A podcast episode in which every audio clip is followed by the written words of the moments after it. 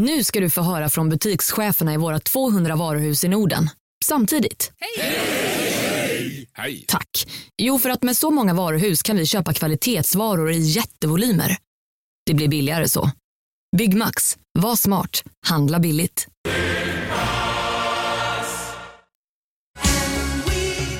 Just nu till alla hemmafixare som gillar Julas låga priser. Ett borr och bitset i 70 delar för snurriga 249 kronor. Inget kan stoppa dig nu. Hej, Susanne Axel här. När du gör som jag och listar dig på en av Krys vårdcentraler får du en fast läkarkontakt som kan din sjukdomshistoria. Du får träffa erfarna specialister, tillgång till lättakuten och så kan du chatta med vårdpersonalen. Så gör ditt viktigaste val idag, lista dig hos Kry. Nu kör vi. Vi bara tittar på varandra Martin. Jag har ju åkt tåg, så här är världens längsta, jag har åkt tåg länge.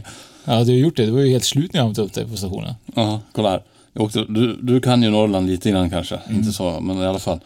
Från Hudiksvall så var jag tvungen att åka norr till Sundsvall och vänta i Sundsvall i tre timmar och kliva på ett tåg som sen gick förbi Hudiksvall igen. Så du åkte tillbaka till Hudiksvall för att kunna komma neråt igen? Ja. Hur lång tid tog det då? Jag menar, det tog en timme upp till Sundsvall, vänta i Sundsvall i tre timmar och sen var jag tvungen att åka tillbaka samma väg. Jäklar. Fem timmar, det är så här, helt onödigt. Det är ju någonting man vill göra varje dag kanske. Det vanliga, vanliga arbetet. Fem timmar till jobbet. Nej, det, nej, det vill man ju inte.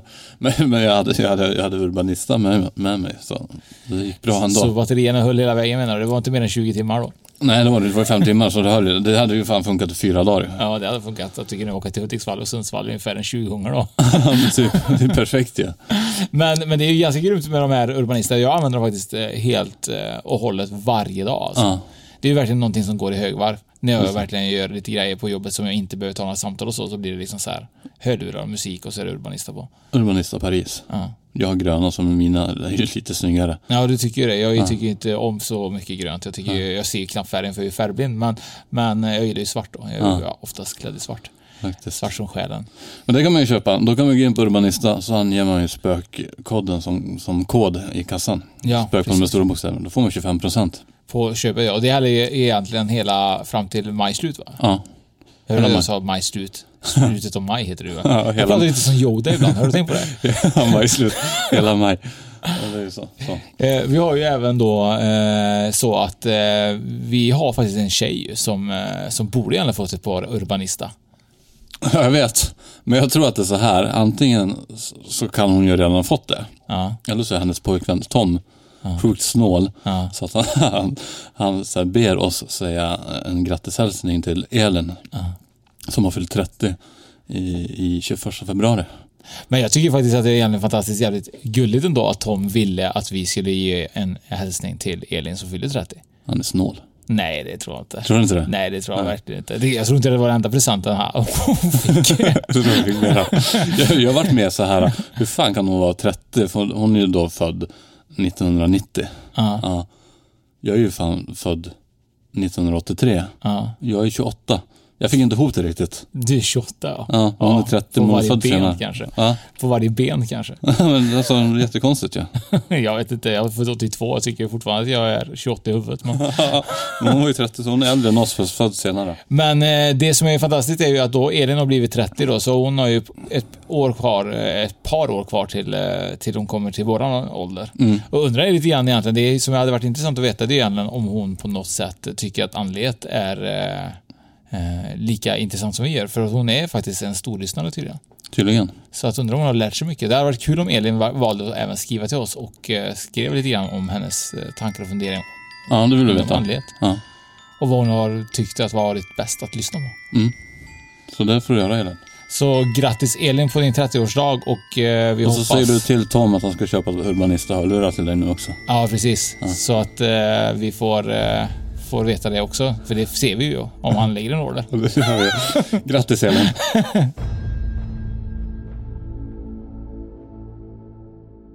Hej Oskar. Hej Martin. Det är en ny vecka ju.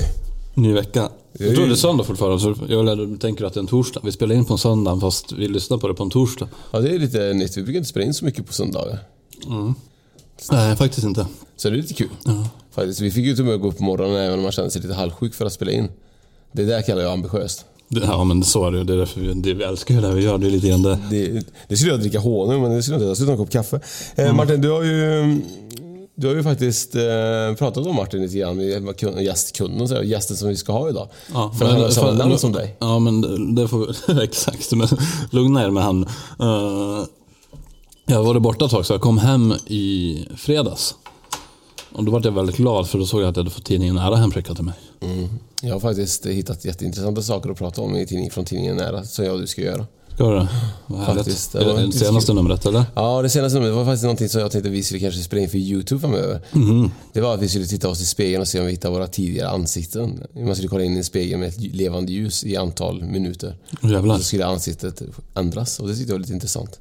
Tråkigt om de är snyggare och mer attraktiva än det ansikte man har nu. Det kan jag nog slå vad om att de är. Också. Vi har ju faktiskt en eh, fantastisk gäst. eh. Mm. Första gästen som du kommer ihåg namnet på. Ja, men det var bara för att han heter samma som dig. Ja. Eh, Och eh, Martin Wenzel då, han, eh, han har varit död i åtta minuter. Ja. Jag tänker säga, det är ju helt galet att man kan vara död i åtta minuter och inte fått en hjärnskada. Jättekonstigt. Och jag har ju en fråga till honom om han kändes utvilad, men den ska vi ta i podden. Ja, det tar vi då. Men Martin är också den första gästen som har en eh, välkomsttal kan man säga. Just det. Så att den tycker jag vi ska börja lyssna på. Dra igång den nu. Hej min vän, vem du nu än är som sitter och lyssnar på mig. Jag säger först hej till dig, till den som du tror att du är. Det vill säga den som du intellektuellt Identifiera dig med i din fysiska kropp. Jag säger sedan hej till den du är på riktigt. Ditt osynliga sanna jag som bor inuti din fysiska kropp. Det viktiga är att du är medveten om att du är och består av två lika viktiga delar som behöver komma i balans och till uttryck. Det intressanta är att när vi döps så namnger vi vår fysiska kropp men inte vårt icke-fysiska sanna jag. Med tanke på att vi är själen så borde det egentligen vara minst lika viktigt att namnge denna. Det är förvånansvärt att vi inte identifierar oss med själen, den som vi är på riktigt. Och det är lite så Martin, du är ju ganska fake ju. Inte du Martin, inte våra gäst men min Martin. Känner du igen det lite grann att det är att många spelar en roll kanske som Martin pratar om? Det gör jag. Jag tar tillbaka med det att jag är fejk. ja, så jävla förnärmad. Sjukt förnärmad. Det är faktiskt det, det har jag fått beröm av Birgitta, Birgitta Segelblom. När jag pratade med henne i, i nyår. Att hon tyckte att jag var så himla äkta. Att hon upplevde mig så himla äkta. Det är skönt att höra. Ja, det måste ju vara jätteskönt ju. Men det jag menar är liksom Martin, eh, nu är det svårt att prata med vilken Martin jag pratar med. Jag får ju säga Martin, du, Martin, Martin Död. Martin död. Det låter ju väldigt bra. Det blir, fortfarande svårt att veta för det kan vara jag. För jag kan ju upplevas lite död. lite död.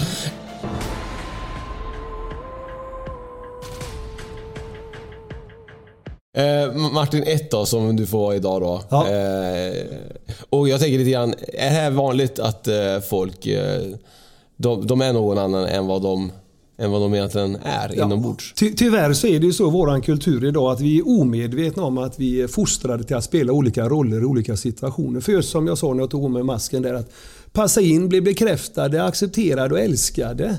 Och det gör vi i olika situationer utan att tänka på det. Va? Och då lever vi utan våran energi och utan våran själskraft. Jag blir visad från andra sidan då, ifrån andra sidans perspektiv på hur det såg ut när vi kommunicerar med varandra på denna sidan, när vi har kontakt med själen och när vi inte har kontakt med själen. För vi alltså har enorma, enorma krafter och förmågor att ta fram inom oss. Vi kan bara pausa lite grann där. För du säger att du vart visad från andra sidan. Ja. Uh, vi kanske kan lyfta lite grann också. För du var ju, med- vad hände det under, för du har ju varit med om en olycka va? Ja. Var det där du vart visad eller har du varit visad? Ja, eh, om man ska börja från början, eh, för att göra en lång historia väldigt kort, så växte jag upp i Surte, nära kyrkogården. Surte brukssamhälle. Vi sprang mycket på kyrkogården där och, och kollade ner i gravarna när det var någon som gick bort. Det var väldigt spännande. Fundera mycket på det med livet, vad är meningen med livet och varför vi lever och så vidare då. Vad hade du för känsla inför det som barn? Alltså kändes det... man var ju väldigt tveksam och väldigt förundrad. Man stod ju och kollade på stjärnorna upp och ner och kollade, ja, där är Karlavagnen och det är det ena och det är det andra. Men vad händer sen då? Så i och med att jag fick börja jobba väldigt tidigt extra på kyrkogården som låg, jag bodde granne med och fick hjälpa till på förrättningar så satte det djupa spår i mig. Eh, att vi, vi lever och dör och aldrig mer ska leva. Man tänkte ju på det. Jag vet när Kennedy, eh, grabbarna, eller Kennedy, presidenterna då, eh, blev skjutna i USA. Så visade de vid ett tillfälle en kista med amerikanska flaggan på. Det var svartvit TV då. Det var väl början på 60-talet tror jag. Och då satt jag själv för mig själv i en fåtölj. Jag vet precis hur det ser ut där hemma. Och så tänkte jag, tänk att leva och dö och aldrig någonsin mer leva.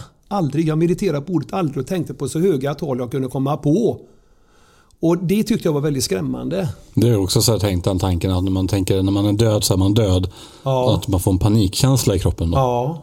Ja, Jag tyckte det, var, det När det gäller ordet aldrig i samband med livet så är det, det, det skrämmer mig fortfarande. Alltså. Ja.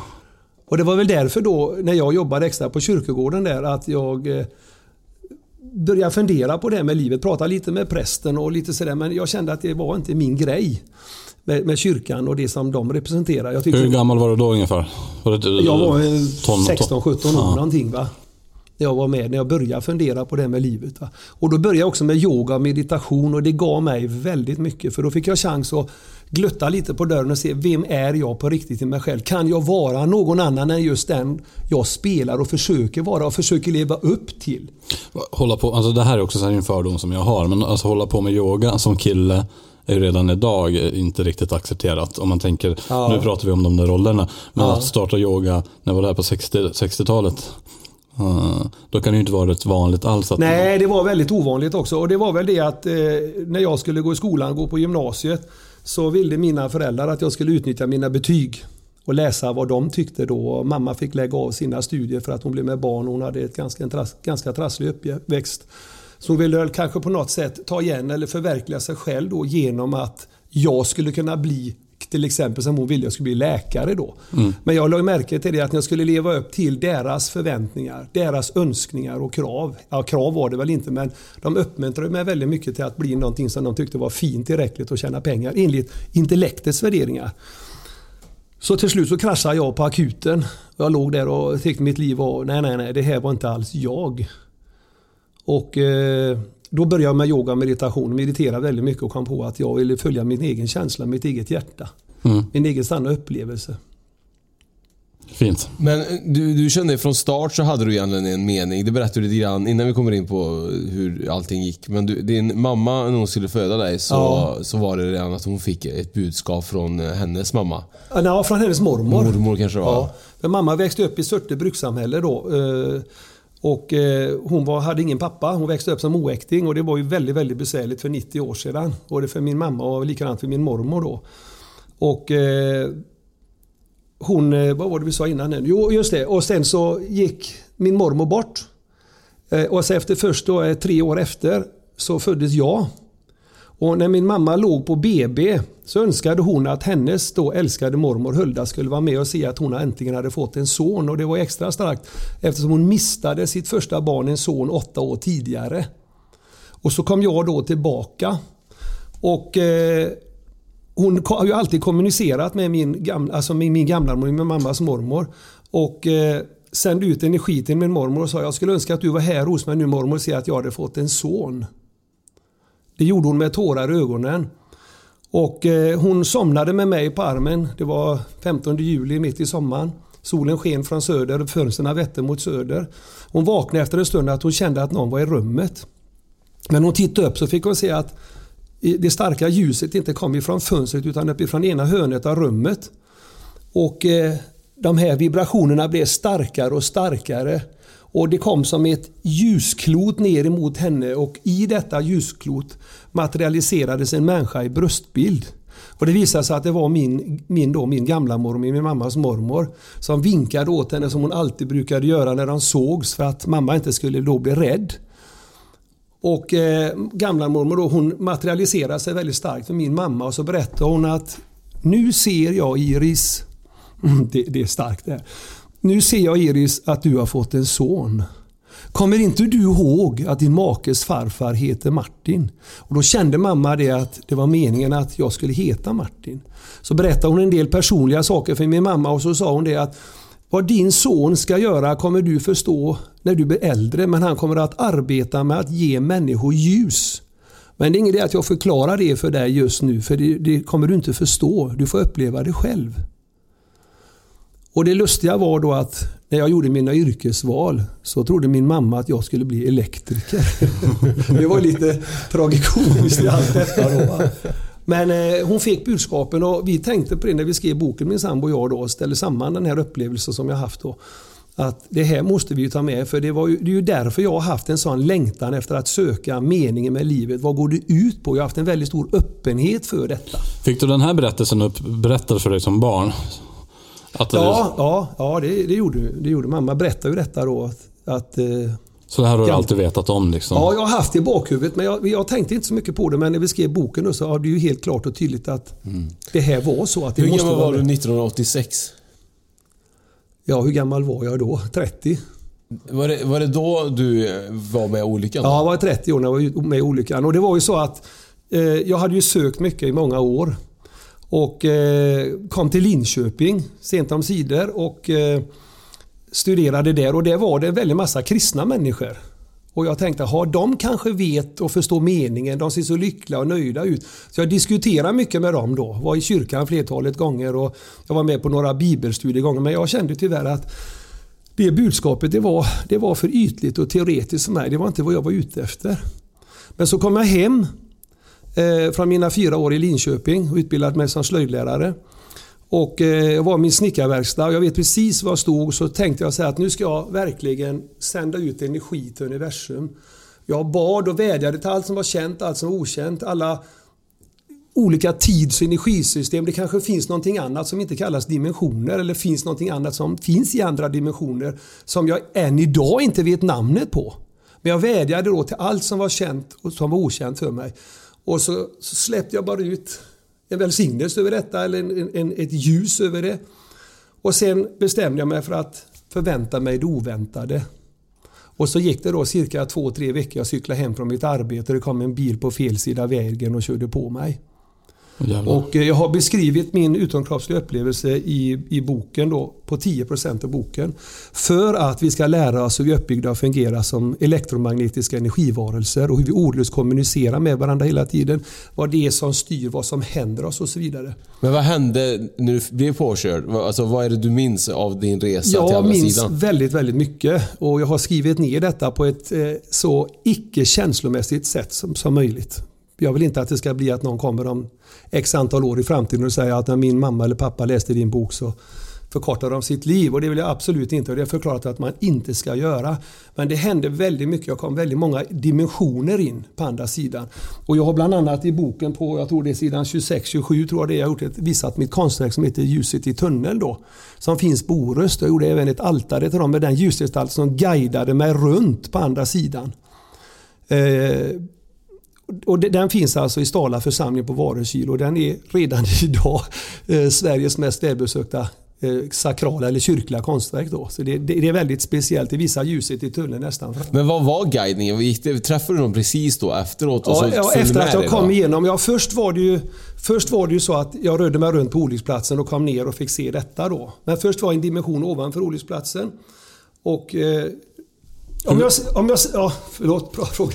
Hur var, hur, hur var känslorna? Vad kände du? Alltså, kommer du ihåg vad du kände? Ja, det var ju en känsla av frihet och en eufori alltså, av allting som finns. Va? Gånger pi. Det är helt otroligt. För jag läste en annan bok om en, lite liknande.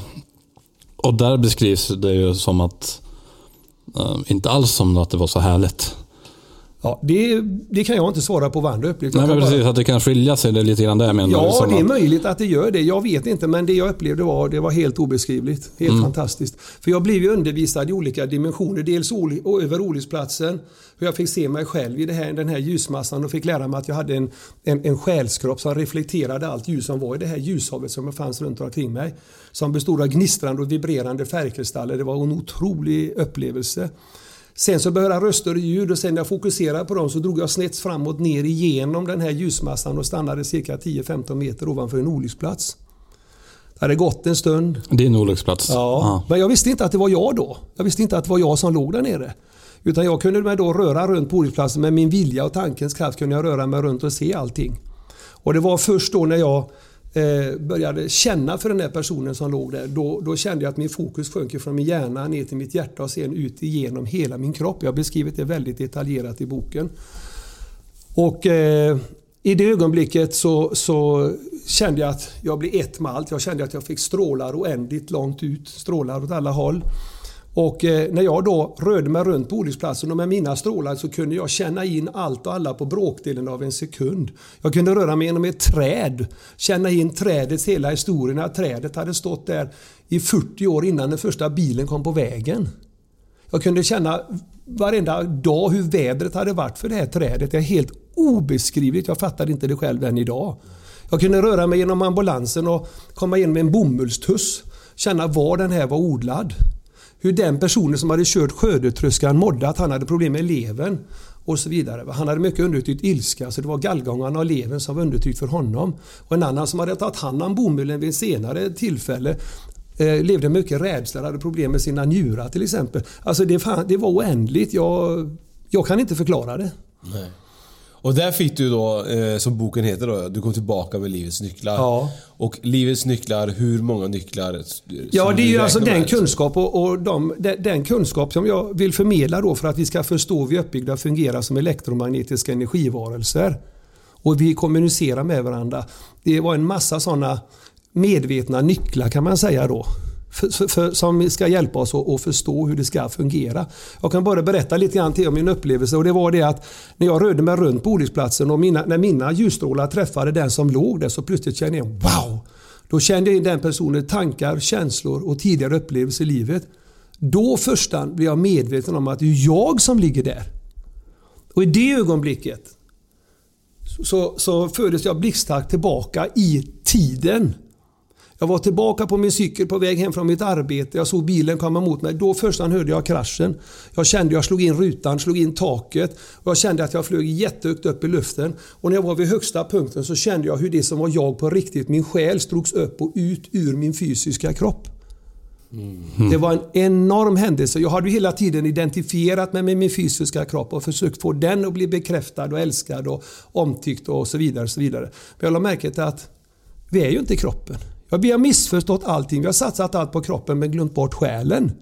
Så är det verkligen. Och, och, det är den som jag hjälper människor att få kontakt med. Och när jag bland annat har mina kurser och sådär så lär jag folk att hälsa på kroppen intellektuellt först och sen hälsa på själen. Och det kan man hela tiden göra med människor man möter på gatan. Jag omsluter den personen med mitt energifält och bjuder fram själen, kommunicerar med själen på ett känslomässigt sätt. Då kan jag alltså läsa av om den personen eh, om det han eller hon säger stämmer överens med det vad den personen känner och upplever. Så man kan ju på ett sätt avslöja en människa väldigt mycket eller hjälpa dem att få kontakt med sitt eget sanna jag. Men det, alltså det är precis, avslöja så, men ibland är man ju inte ens medveten om att det skiljer sig vad man tänker och känner. Nej. Inte, så det är det som är problemet. Att man, ja. den, det kopplar ju inte för man, man vet ju inte. Nej. Nej. Det är också väldigt viktigt att poängtera. Du är ju som sagt inte, du har ju sagt det, men du är verkligen inte religiös. Nej. Och du blev ju inte mer religiös efter det här heller. Nej. För dig när du gick över till andra sidan så var det liksom, det var som att det var flera dimensioner. Det var inte liksom Ja. så att det var, ja, du, ska till, du är på väg till paradis eller du är på väg till helvetet. Det var bara, det var, fanns någonting bara där. Ja. Det, Och, och de poängterar ju de jag mötte, för jag kom ju i många dimensioner in, de poängterar att det här jag upplever är väldigt speciellt för att du ska tillbaka till livet för att eh, lära andra det du själv får erfara och lära. Och jag brukar skämta lite grann med när jag föreläser. Jag har mina kurser, jag har precis börjat att dra igång med det igen. Och eh, jag brukar säga så att nu har vi en begränsad tid på oss här idag. Va? Så jag skulle ge er alla så göteborgskt då himla mycket. Det kan ju vara lite roligt att höra då. Va? Eh, Många timmar här och nu. va. Men istället så önskar jag att jag kunde ta med er alla in i tidlösheten, in i den sanna verkligheten på andra sidan och visa er allt som jag själv fick uppleva och lära mig. För på andra sidan kan man ta in obegränsade mängder ny kunskap på ett ögonblick på bara några sekunder. Och då skulle ni där, alla som jag pratat till mina åhörare, och nu pratar jag till er som lyssnar på mig här. Eh, då skulle ni få livets nycklar och ett helt nytt perspektiv på livet, relationer och just meningen med ditt liv. Vad är meningen med ditt liv här på jorden? Vad var det det egentligen skulle göra i ett högre andligt syfte, ett andligt perspektiv? Och det är det jag lär människor som kommer till mig då, att hitta rätt i sitt liv. Men alla har egentligen olika meningar med livet egentligen. Ja, ja. Men i grund och botten så är det så att vi alla ska vara ljusbärare. Vi ska leva och lära ut kärlek. För när vi klär av oss rollspelet i våra fysiska kroppar och, och blir medvetna om vilka vi är och hur vi fungerar som, eh, som energivarelser så finns det bara kärlek kvar. För det, grejen är att vi kommer ner här och inkarneras i våra kroppar. Och eh, jag ska möta min själ och jag ska hjälpa alla andra att möta sina själar för att själarna sin tur skapar en energi som ska kontemplatera sig med högre dimensioner, alltså ska koppla upp sig på högre dimensioner. För vi ska inte leva livet så här. Men boken lär folk att, min bok som jag nämnde förut då, jag heter, som heter Jag var död i åtta minuter och kom tillbaka med livets nycklar. Den lär människor att leva i kontakt med sin egen högre gudomliga kraft och glötta lite på dörren till det vi kanske kan kalla himlen då. Jag vet inte om det är rätt ord att använda. Men, men eh, vi har alltså enorma krafter och förmågor att ta fram inom oss som vi inte är medvetna om. Och när vi väl börjar möta själen så kommer själen att undervisa mig och lära mig hur jag ska få ännu mer kontakt med själen. Och våra guider, våra hjälpande vänner på andra sidan. Vad kan vi göra då när vi väl nått det här då? Eller vad, när vi, om vi gör detta i den här fysiska kroppen vi har idag, tar kontakt med vårt inre, vår själ vad, vad, vad, vad, vad är meningen då? Eller du, du, kommer förändra, du sa ju själv, det kommer förändra du allting. Sa, allting ja. Och vad är förändringen då? Eller för att vi ska alla leva i ett att kärleksfullt... Man, ja, precis. Att man har flyt i livet, att det funkar, att man slipper strida och kämpa för allting. Att det ena ger det andra. Man lever i det naturliga flödet.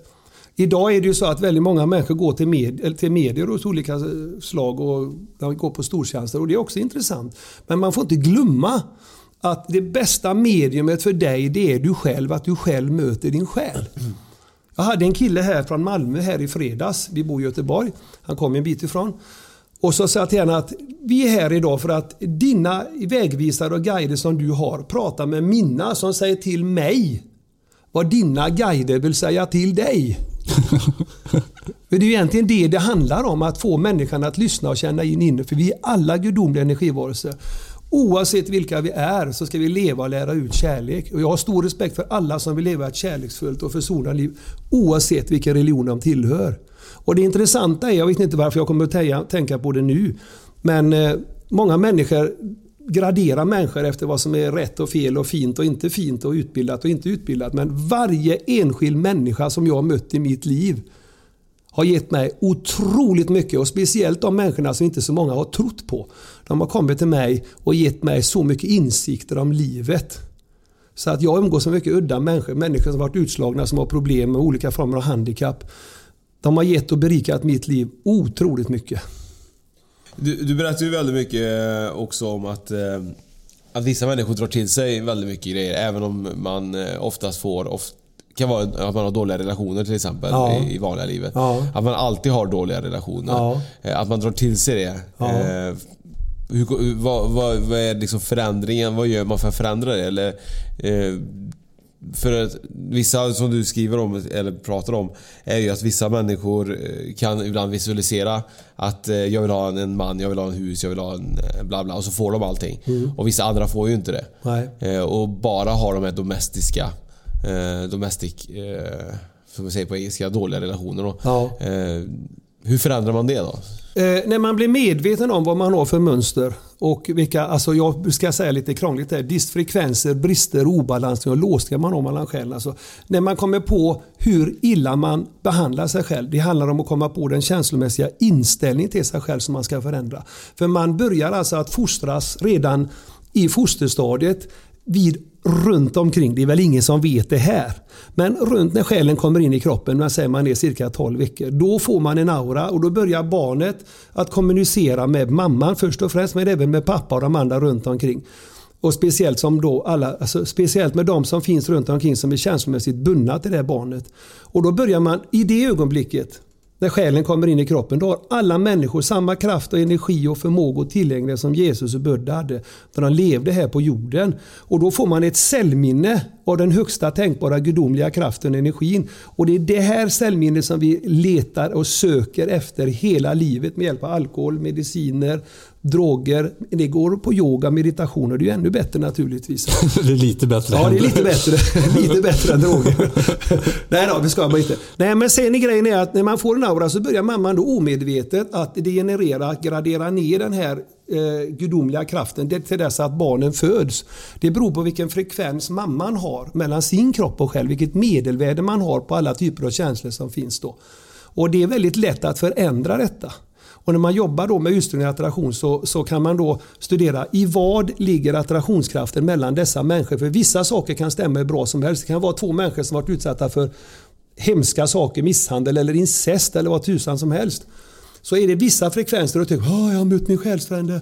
Åh, så härligt och fantastiskt. Men så kommer man in på andra känslomässiga register och då skär det sig ordentligt och då blir det riktigt, riktigt galet. Va? Så att det här kan man styra och förändra. För fick man då kärlek, värme, ömhet, bekräftelse, respekt och, och så vidare av sina föräldrar, då har man alla strängarna stämda och i balans. Men det har väldigt, väldigt få människor. Men man kommer på detta. Jag har studerat detta i 32 år och presenterar detta i min bok. Hur man förändrar detta. Så kan vi skapa en helt ny sorts människor. Det, om du ska ge något tips till de som sitter och lyssnar, då, vad är det man kan börja göra själv ganska enkelt för att börja göra en förändring? Ja, det låter lite dumt. Men läs min bok. jag hade själv ingen aning om detta innan jag var över på andra sidan. För boken innehåller så mycket och den är kanaliserad. va, Så att den möter din själ oavsett när och var och hur du läser den. Människor som lever med boken nära sig eh, förändras väldigt mycket. Eh, jag hade, när vi släppte den, vi var i Uddevalla då, vid första mässan. Så var det en eh, känd, duktig healer från västkusten som köpte boken och blev så förtjust i den så jag gick hem och sträckläste den. Dagen efter hade han sina ordinarie kunder som han alltid hade på de här mässorna. Och då kommer de och säger till vad är det som har hänt med dig? Du har fått sån enorm kraft. Jag kände tre, fyra gånger mer kraft. Vad är det du har gjort? Det riktigt vibrerar i fingrarna och i kroppen på mig. Du får nästan sluta efter halva tiden. Vad gör du? Den ena efter den andra klienten kom till honom och sa samma sak. Så kom han på, aha, ja, jag har läst Martin Wenzels bok och kopplat upp mig på den så som det står att man ska göra. Så det är boken som gett mig sån kraft. Så när den här killen kom till mig och eh, berättade då så var han eld och låg. Jag tänkte vad är det som har hänt? Jag måste få berätta för dig, sa han och var alldeles entusiastisk då. Och så berättade han det. Och det här får jag höra i olika varianter var jag än är. Jag var i Malmö nu och föreläste. Det var personer som kom där. Jag har varit i Stockholm, hade helgkursen där. Samma sak där. Jag var i eh, Nässjö, samma sak. Jag måste få berätta vad boken har gett mig. Så boken är kanaliserad och den möter din själ oavsett när och var och hur du läser den. Hur du än känner dig så hjälper boken dig att hitta rätt i livet. Den är väldigt speciell och boken talar till oss genom olika dimensioner och det beror också på att våran själ är mångdimensionell. Vi står i kontakt med många olika dimensioner samtidigt. Och när man väl börjar, det kan låta lite teoretiskt och krångligt men det är, alltså hela det konceptet är väldigt, väldigt enkelt. Det är lätt.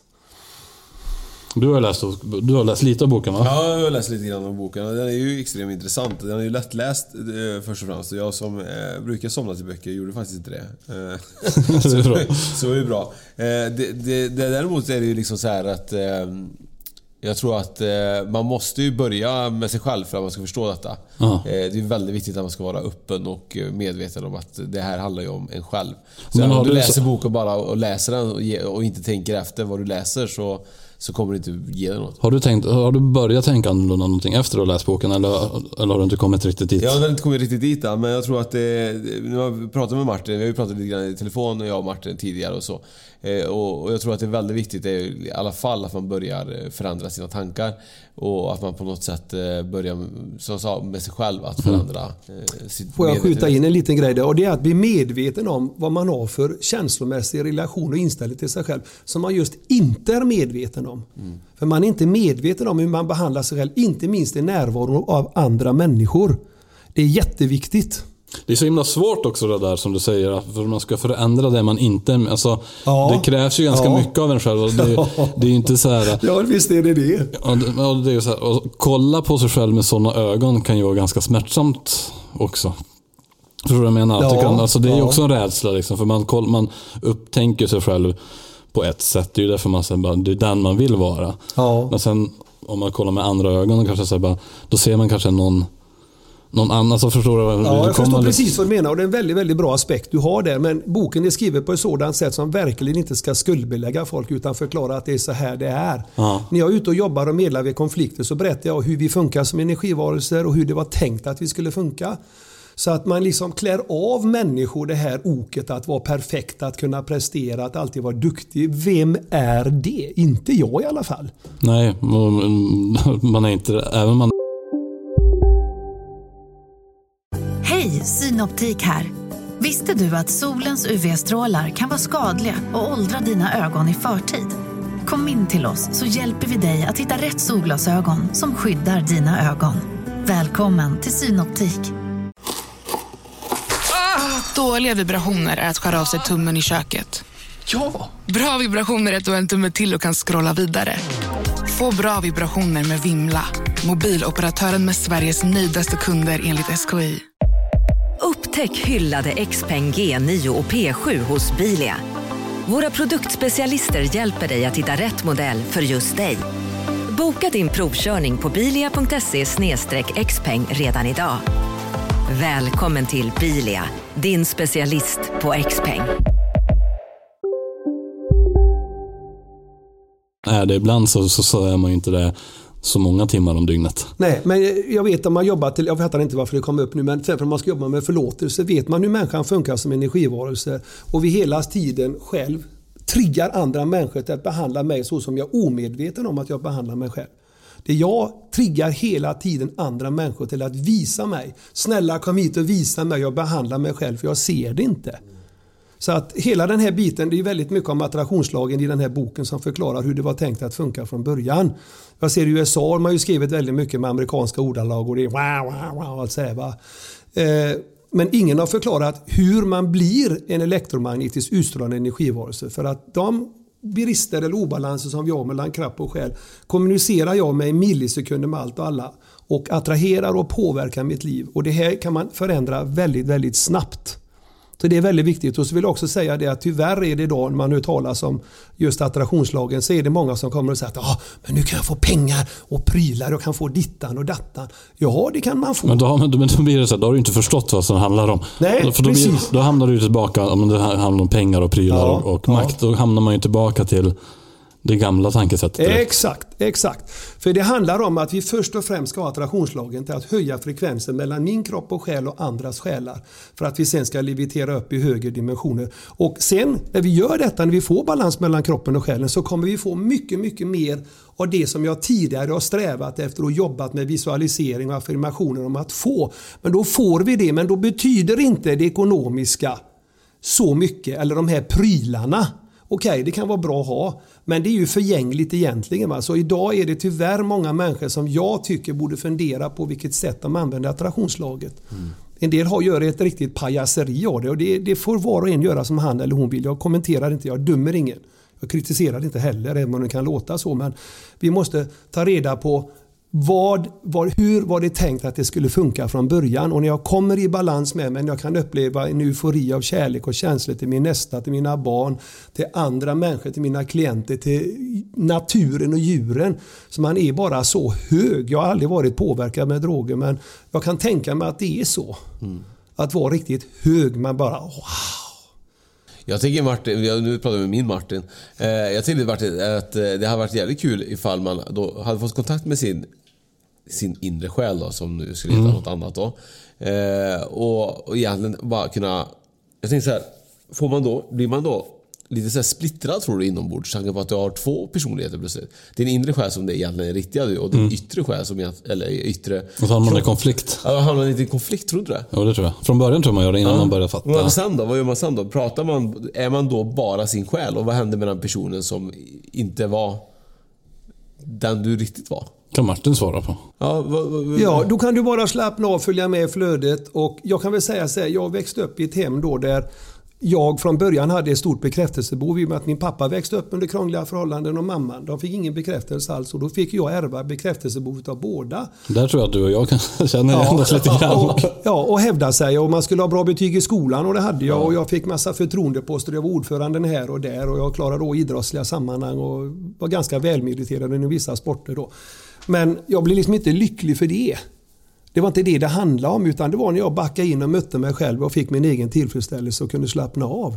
Så att mitt mission har varit att backa, backa, backa och låta själen komma fram. Och till detta så får jag till mig att jag ska berätta att när jag eh, byggde den här kursgården utav den här ladan eh, och var färdig, då hade jag mina pojkar som bodde här och jag jobbar väldigt mycket. Jag älskar ju mitt jobb naturligtvis. Jag vill ha in pengar, jag ville få bort så mycket lån som möjligt. Och då var det folk som ringde till mig oftast från väldigt långt avstånd. Kan vi komma till det? Ja, men jag är ledsen, så jag är så trött nu så jag orkar inte. Jag har byggt husen, jag har gjort det här och det här och jag jobbar som jag dagar. Ja, men kom ihåg, sa det en som sa till mig, du kanaliserar som bäst när du inte tänker. Vi kommer från Haparanda. Sure, sa jag. You're welcome. och så kom de hit och så sa hon till mig, det var ett medium som sa, medial kvinna, väldigt bra, en äldre kvinna som sa det, bara kanalisera. Tänk inte. Hon lärde mig liksom över en tröskel där. Och när jag kanaliserade och bara släppte fram det som kom fram. Så lärde jag mig att när jag jobbar med människor så kan jag sitta liksom och med ett öra tjuvlyssna lite på mig själv. Vad var det vi sa? Och jag har eh, en del människor som kommer till mig från rättsväsendet. Och eh, de vill anteckna allting och skriva ner. Så i det här fallet tänker jag på en speciell person. Så här, vad var det du sa nu Martin? Och jag, jag hänger inte riktigt med själv. Va? Så att jag får till mig en massa sanningar som jag inte ens visste om innan jag började kanalisera. Nej. Så det är häftigt och det ser man det när man slappnar av intellektet och bara är den som jag är fully out. För kom ihåg att de flesta som lever tillsammans idag som partners, Vänner och arbetskamrater har ingen aning om vem de är på riktigt inom dem själva. Och vem de lever med. Det kanske man kan få märka lite när man blir ovän, när man separerar. Då minsann kommer det fram, ba, ba, ba, vad jag inte fått fram. Att man har gått och levt med en person som man varit gift med, man har spelat massa olika roller med den personen hela sitt liv så är det för oss alla. Jag är inget undantag. Jag, kan, jag strävar, eller jag kämpar ju självklart varje dag med det. Och man lär ju sig när man har hållit på med det. Men jag har gjort alla fel och misstag man kan göra, ska ni veta. men det är väl en del av livet igen att göra misstag? Ja, ja, ja. ja. Också, liksom. Men framförallt att man är medveten om, analyserar det som händer och lär sig på det. Mm. Så är det. Men nu var det så här, Känner du så stor skillnad från, du var runt 30 när olyckan ja. hände. Och efter, hur, har det, känns det verkligen som före och efter olyckan? Ja, har du en ja. helt annan tanke? Ja, och, allt. allt. Mycket lyckligare och mycket... Jag ser, jag ser oss själva som små blomsterknoppar som bara längtar efter att få blomma ut i vår gudomliga kraft. För alla, alltså min resa, mitt liv är redan förutbestämt. Så att alla celler i min kropp, eh, min själ, har en viss programmering som jag kopplar upp mig på den gudomliga själen med. Vi är alla en del av den gudomliga själen. Så när jag jobbar med människor och när jag healar eller kanaliserar så använder jag, tror jag, samma kraft och energi som Jesus hade när han helade människor här på jorden. För jag skriver det här i min bok att det var alltså meningen att vi alla skulle kunna uppväcka döda, få blinda se, döva höra och lama att gå. När någon skulle vara sjuk skulle vi lägga handen på dem och hila dem. Och du tror på att detta ska funka? Tusen procent. Men du har ju inte lyckats med det. Jag har lyckats med en hel del saker. Men även liksom så här, inte återuppväckt nej, nej, naturligtvis inte. Men jag har gjort en hel del healing med hjälp av eh, läkare på lasarett när det gäller att plocka bort bland annat stora njurstenar. Och ja.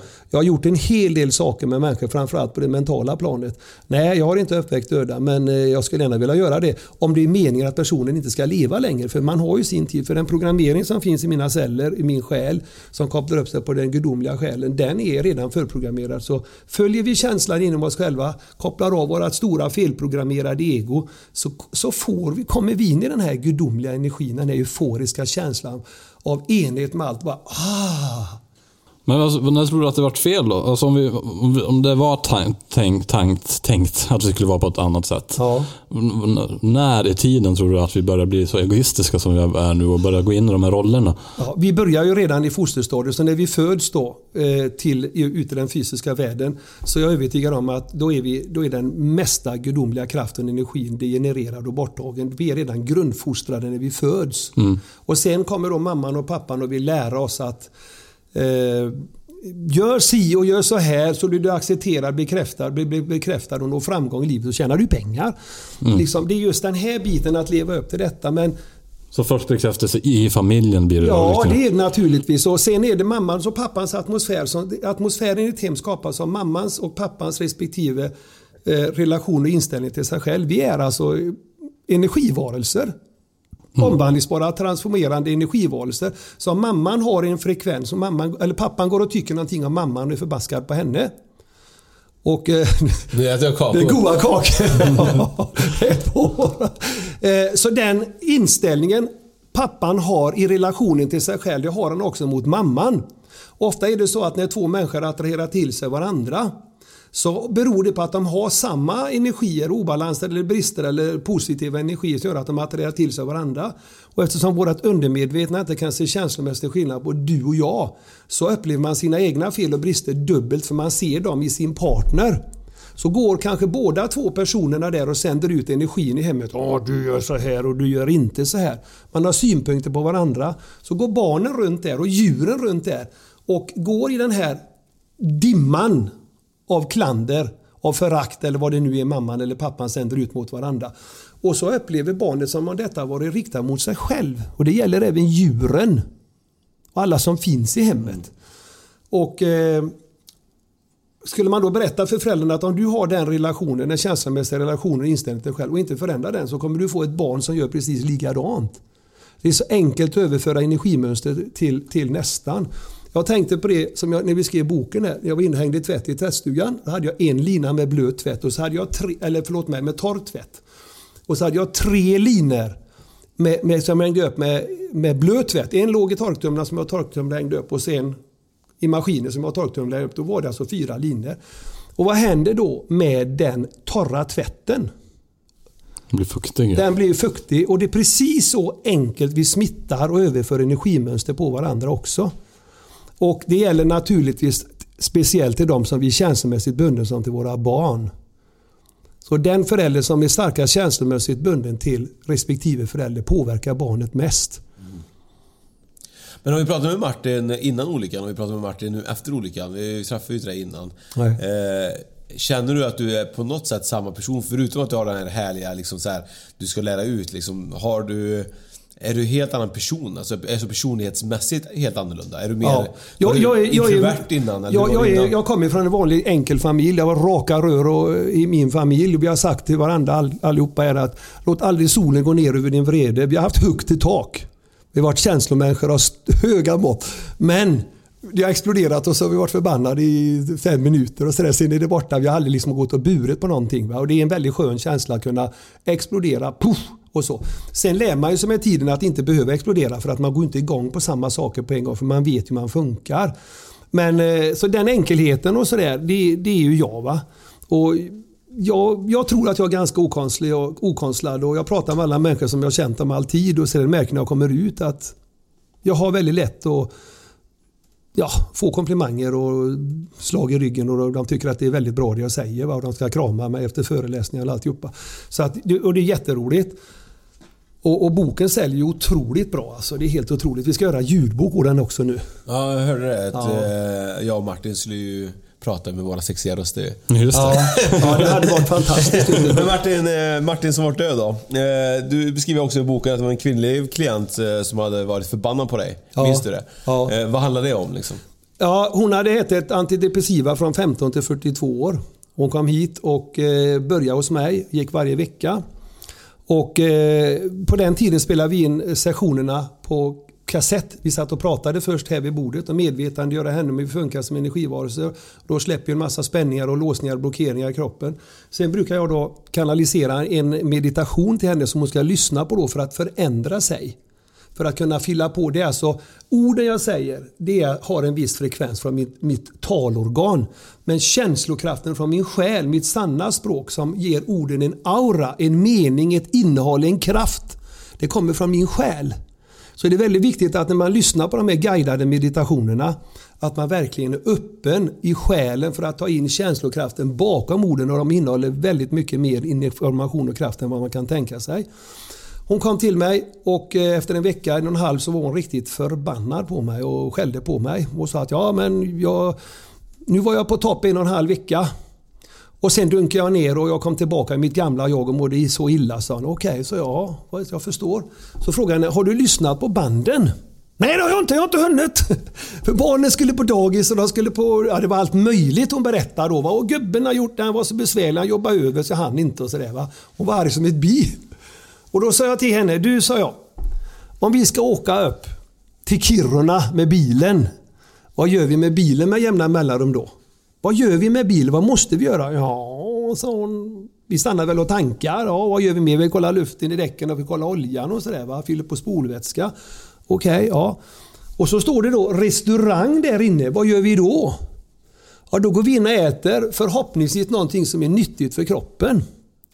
Vad har vi gjort då? Då har vi tankat upp bilen och vi har tankat upp kroppen. Men hur tankar vi upp själen då? Det sanna jaget. Tänk om alla människor före en sån här resa eller när som helst i vardagen innan vi sätter oss och äter ger varandra eller ger oss själva kärlek, värme, ömhet eller bekräftelse eller tacksamhet för att du har gjort det här. Du har kört bilen så här långt säkert och tryggt. Du släppte fram den personen som bara så illa åt i trafiken. Du blir inte förbannad på den personen som gjorde fingret åt dig och så allt vad det kan vara. Eh, utan du gjorde det på ett bra sätt och så ger man sig själv lite beröm, lite kärlek, lite värme och uppskattning som man kanske inte får av sin partner. Man kanske inte har någon partner. Så ger man sig själv detta som man sen vill ha av andra, då fyller man på sin frekvens av detta som gör att man sen blir mottaglig att ta emot detta av andra människor. Sen äter man sin mat, tuggar maten så bra man kan och, och så vidare. Det är inte så svårt att förstå det. Och sen så kan man ge, varandra, ge sig själv en liten söt efterrätt. Och jag säger det som jag skriver i boken på flera ställen att det viktiga är inte att man ska sitta ner en timme varje gång eller en halvtimme eller en trekvart och ge sig själv kärlek. En, två, tre minuter. Korta, korta sekvenser så man har en känslomässig inställning till sig själv. Och ju mer känslokraft man kan sända till sig i de här korta sessionerna ju mer kan man ta in. Ju mer kan du ge. Du transformerar upp energin i givandet i ordens aura till dig själv. Känslokraften. Och det gör att några få minuter, en, två, tre minuter säger jag, räcker. Mm. Gör det inte till en stor grej för då blir det inte av. Nej. Det ska vara enkelt, det ska vara lätt. Jag undrar hur uh, våran uh, andra Martin, inte min Martin igen. Uh, undrar hur många relationer, uh, hur många skilmässor har du legat bakom efter? Alltså, I din bok står det så stanna inte för barnens skull. Det är vanligt att föräldrar stannar i en dålig destruktiv relation för barnens skull. hur många relationer har du liksom varit bakom uh, de har gått skilda vägar? har, jag, du, har du en sån här liten bok du skriver en? Ja, jag kan väl säga så här att när det gäller eh, fysiska relationer så är jag väldigt oerfaren och det är jag väldigt glad för. Mm. Jag har, hade tyvärr en skilsmässa för 12 år sedan. Eh, beroende på att vi inte kunde kommunicera genom själ till själ. Och jag vill visa den här bilden som jag har som sitter på väggen också här. Den kan vi ta bild på så får ni se ut. Ja, se det kan vi ta på den. För den är väldigt bra. Och eh, jag är ju väldigt noga med att kommunicera, uppleva ut och visa vad jag känner. Och eh, blir man då inte mött i själen, om det är två personer som möts. Pia möter Per. Pias kropp, hennes fysiska kropp heter Pia. Pers fysiska kropp heter Per. Men Pers själ, om vi vänder på Per då, hans sanna jag heter då Rep. Och Pias själ heter då naturligtvis Aip. Och grejen är den att när väldigt många människor träffas idag så efter ett tag så vill ju Aip Pias själ möta Pers själ, rep, men får möta Per. Och det är då det blir fel. Och det här är någonting, precis som du sa Martin 2 här då. Eh, att det, det, är väldigt, väldigt vanligt när man är omedveten om att man spelar en roll. Och tyvärr så verkar det så på många sätt att det man är räddast för. Jag skulle faktiskt vilja läsa en liten kort sekvens i min bok om detta. Ja, det. Eh, som är väldigt bra tycker jag. Nu ska vi se vad ni tycker. Eh, jag berättar här på sidan 39 då. Jag ska bara ta väldigt lite i början här. Du ska bara veta vilka oändliga resurser du har inom dig. Alla själar som finns och har funnits här på jorden är skapta ur samma grundenergi och har samma förutsättningar och kraft som Jesus och Buddha. Vi är alla en del av den gudomliga själen. Du har ett medium, en healer och en högre intelligens inom dig så som Jesus och Buddha med flera hade. Det var meningen att vi alla här på jorden skulle leva med samma kraft och förmågor som de största andliga mästarna. Vi är alla lika starka i vår kraft. Det är bara frågan om att medvetet kunna koppla upp sig på de högre energisystemen genom våra själar. Jag tar det lilla frågorna som är kvar där. Själen är en sammankopplande och förlösande kraft som känner in den grundprogrammering som du har i dina celler. Själen kopplar upp och ställer in dig på rätt frekvens så att du lyser och vibrerar i samklang med universums högre energisystem. När detta sker så har du kontakt med ditt eget gudomliga vara som lyser upp dig och strålar ut ur din fysiska kropp.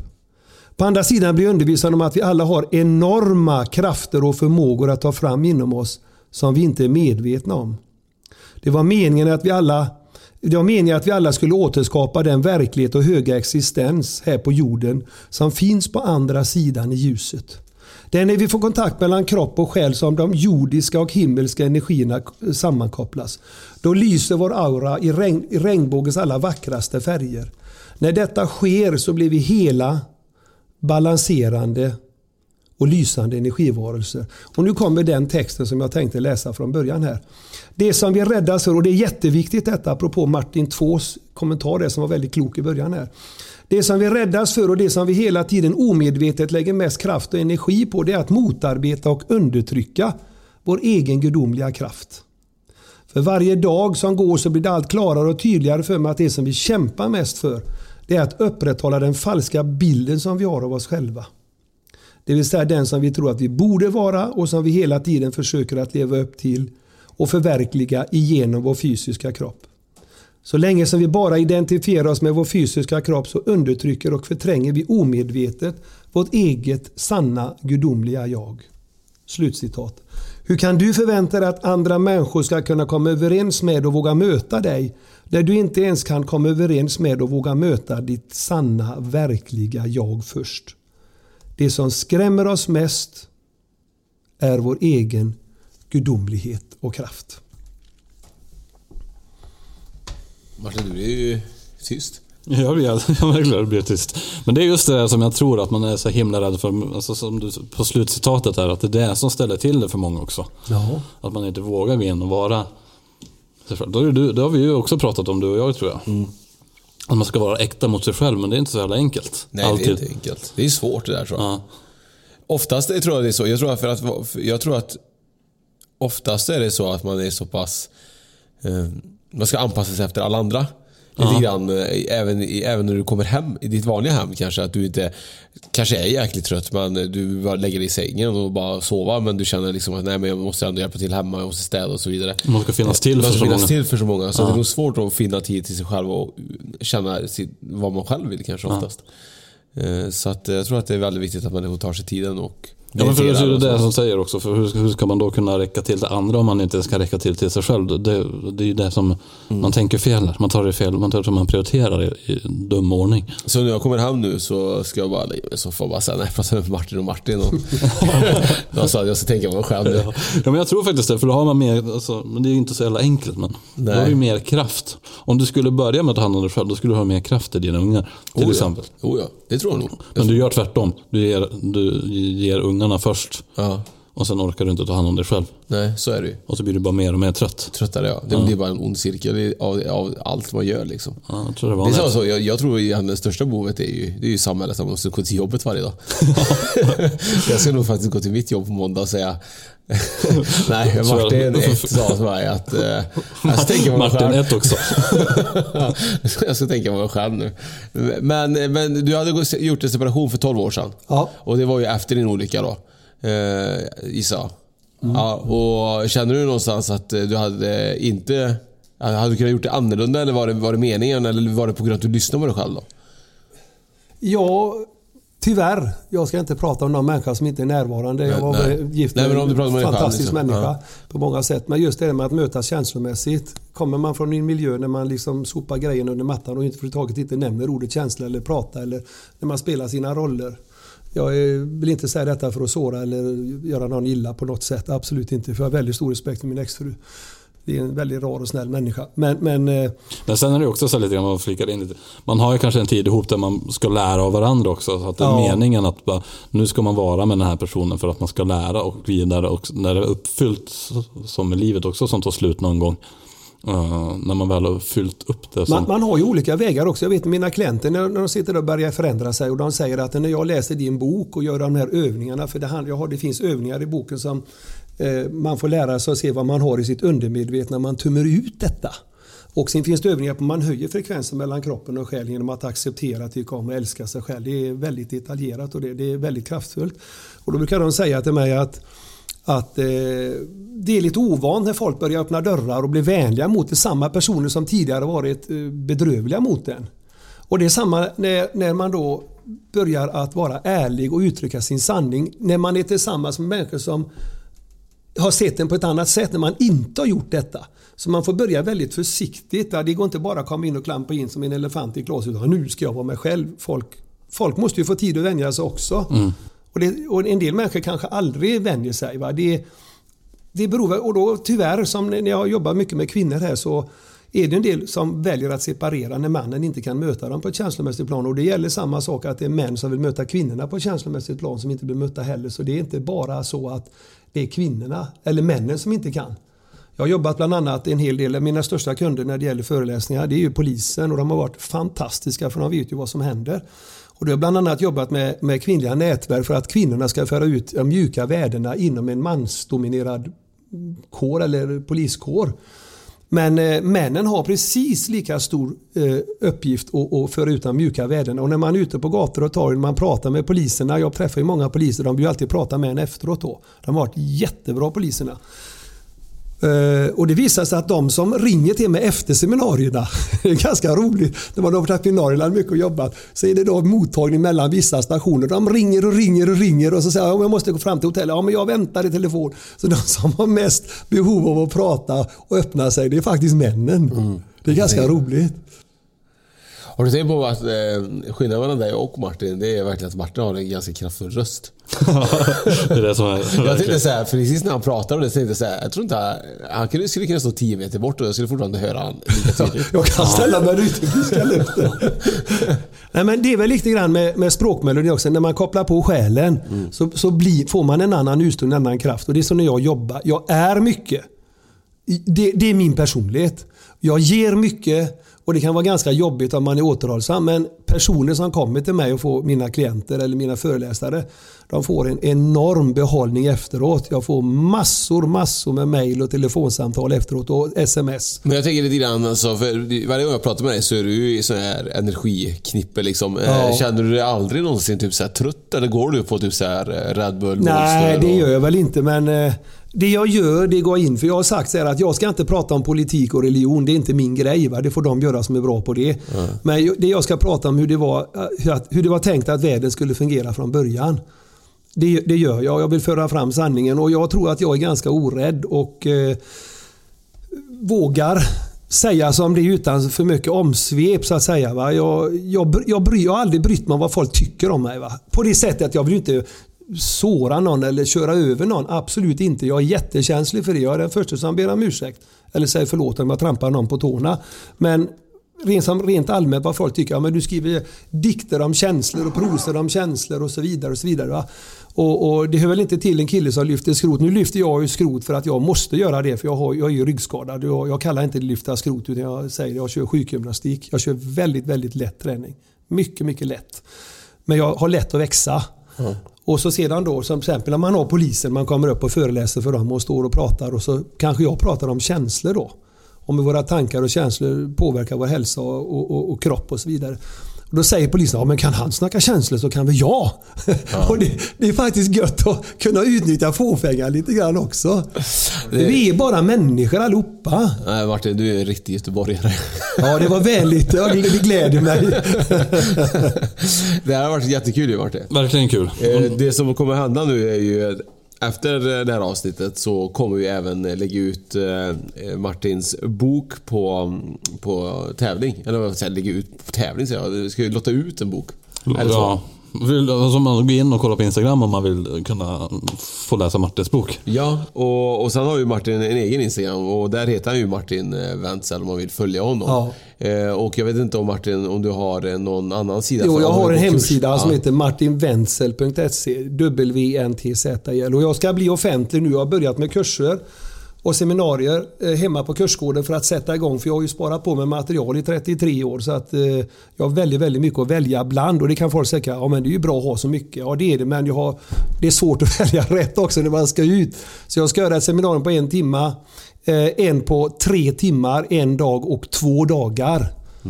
Men jag tänkte på det att när vi pratar om det här. Jag var uppe och pratade i Moraradion för ett tag sedan.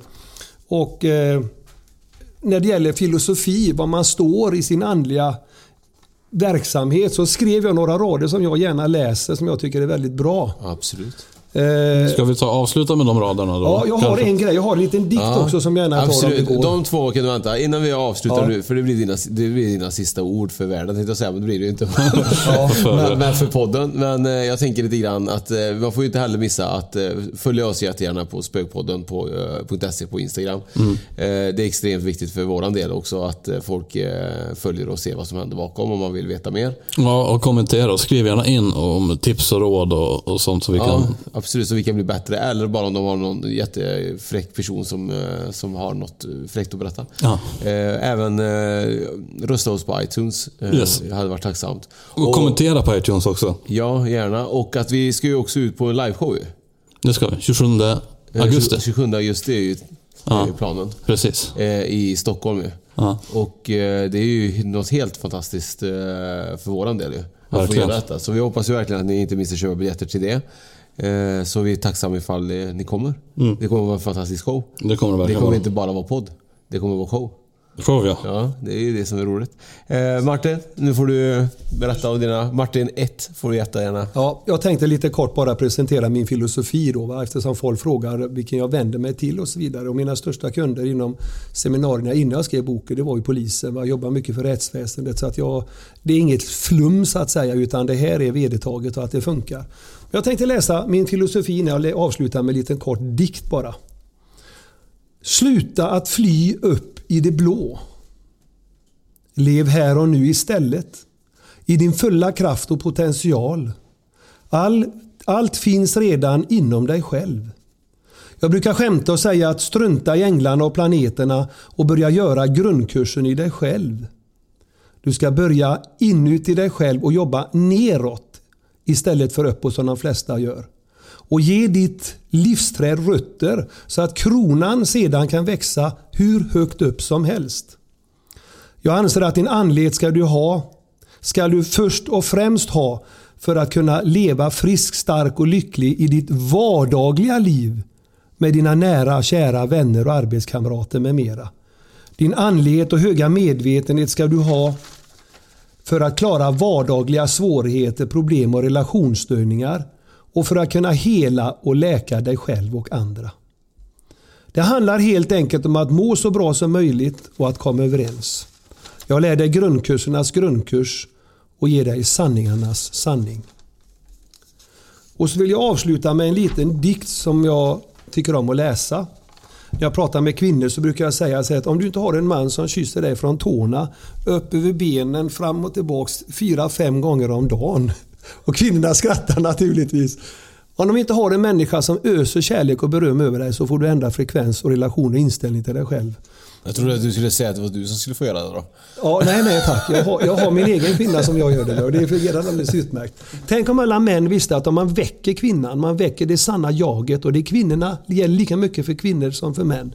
Om man väcker det sanna jaget så får de se vilken gudomlig, kraftfull, euforisk energivarelse som vi är inom oss själva.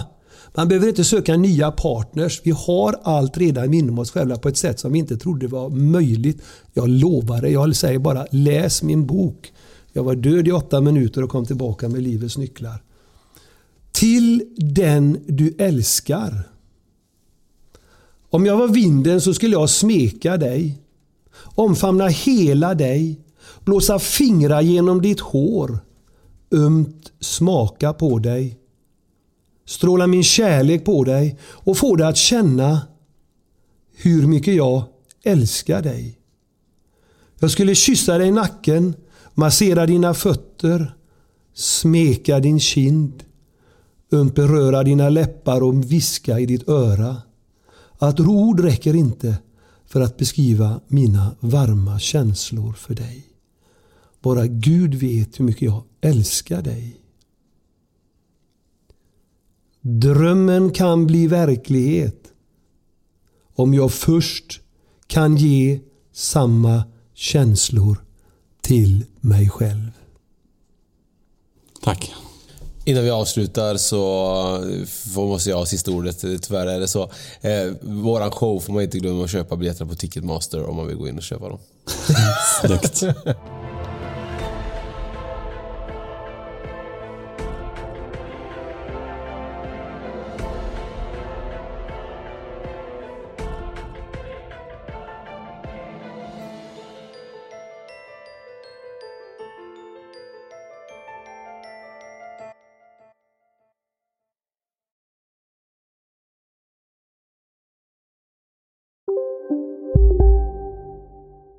Välkommen till Unionen. Jo, jag undrar hur många semesterdagar jag har som projektanställd och vad gör jag om jag inte får något semestertillägg? Påverkar det inkomstförsäkringen? För jag har blivit varslad, till skillnad från min kollega som ofta kör teknik på möten och dessutom har högre lön trots samma tjänst. Vad gör jag nu? Okej, vi tar det från början. Jobbigt på jobbet. Som medlem i Unionen kan du alltid prata med våra rådgivare. Kolla menyn. Vadå? Kan det stämma? 12 köttbullar med mos för 32 spänn. Mm. Otroligt! Då får det bli efterrätt också. Lätt! Onsdagar är happy days på IKEA.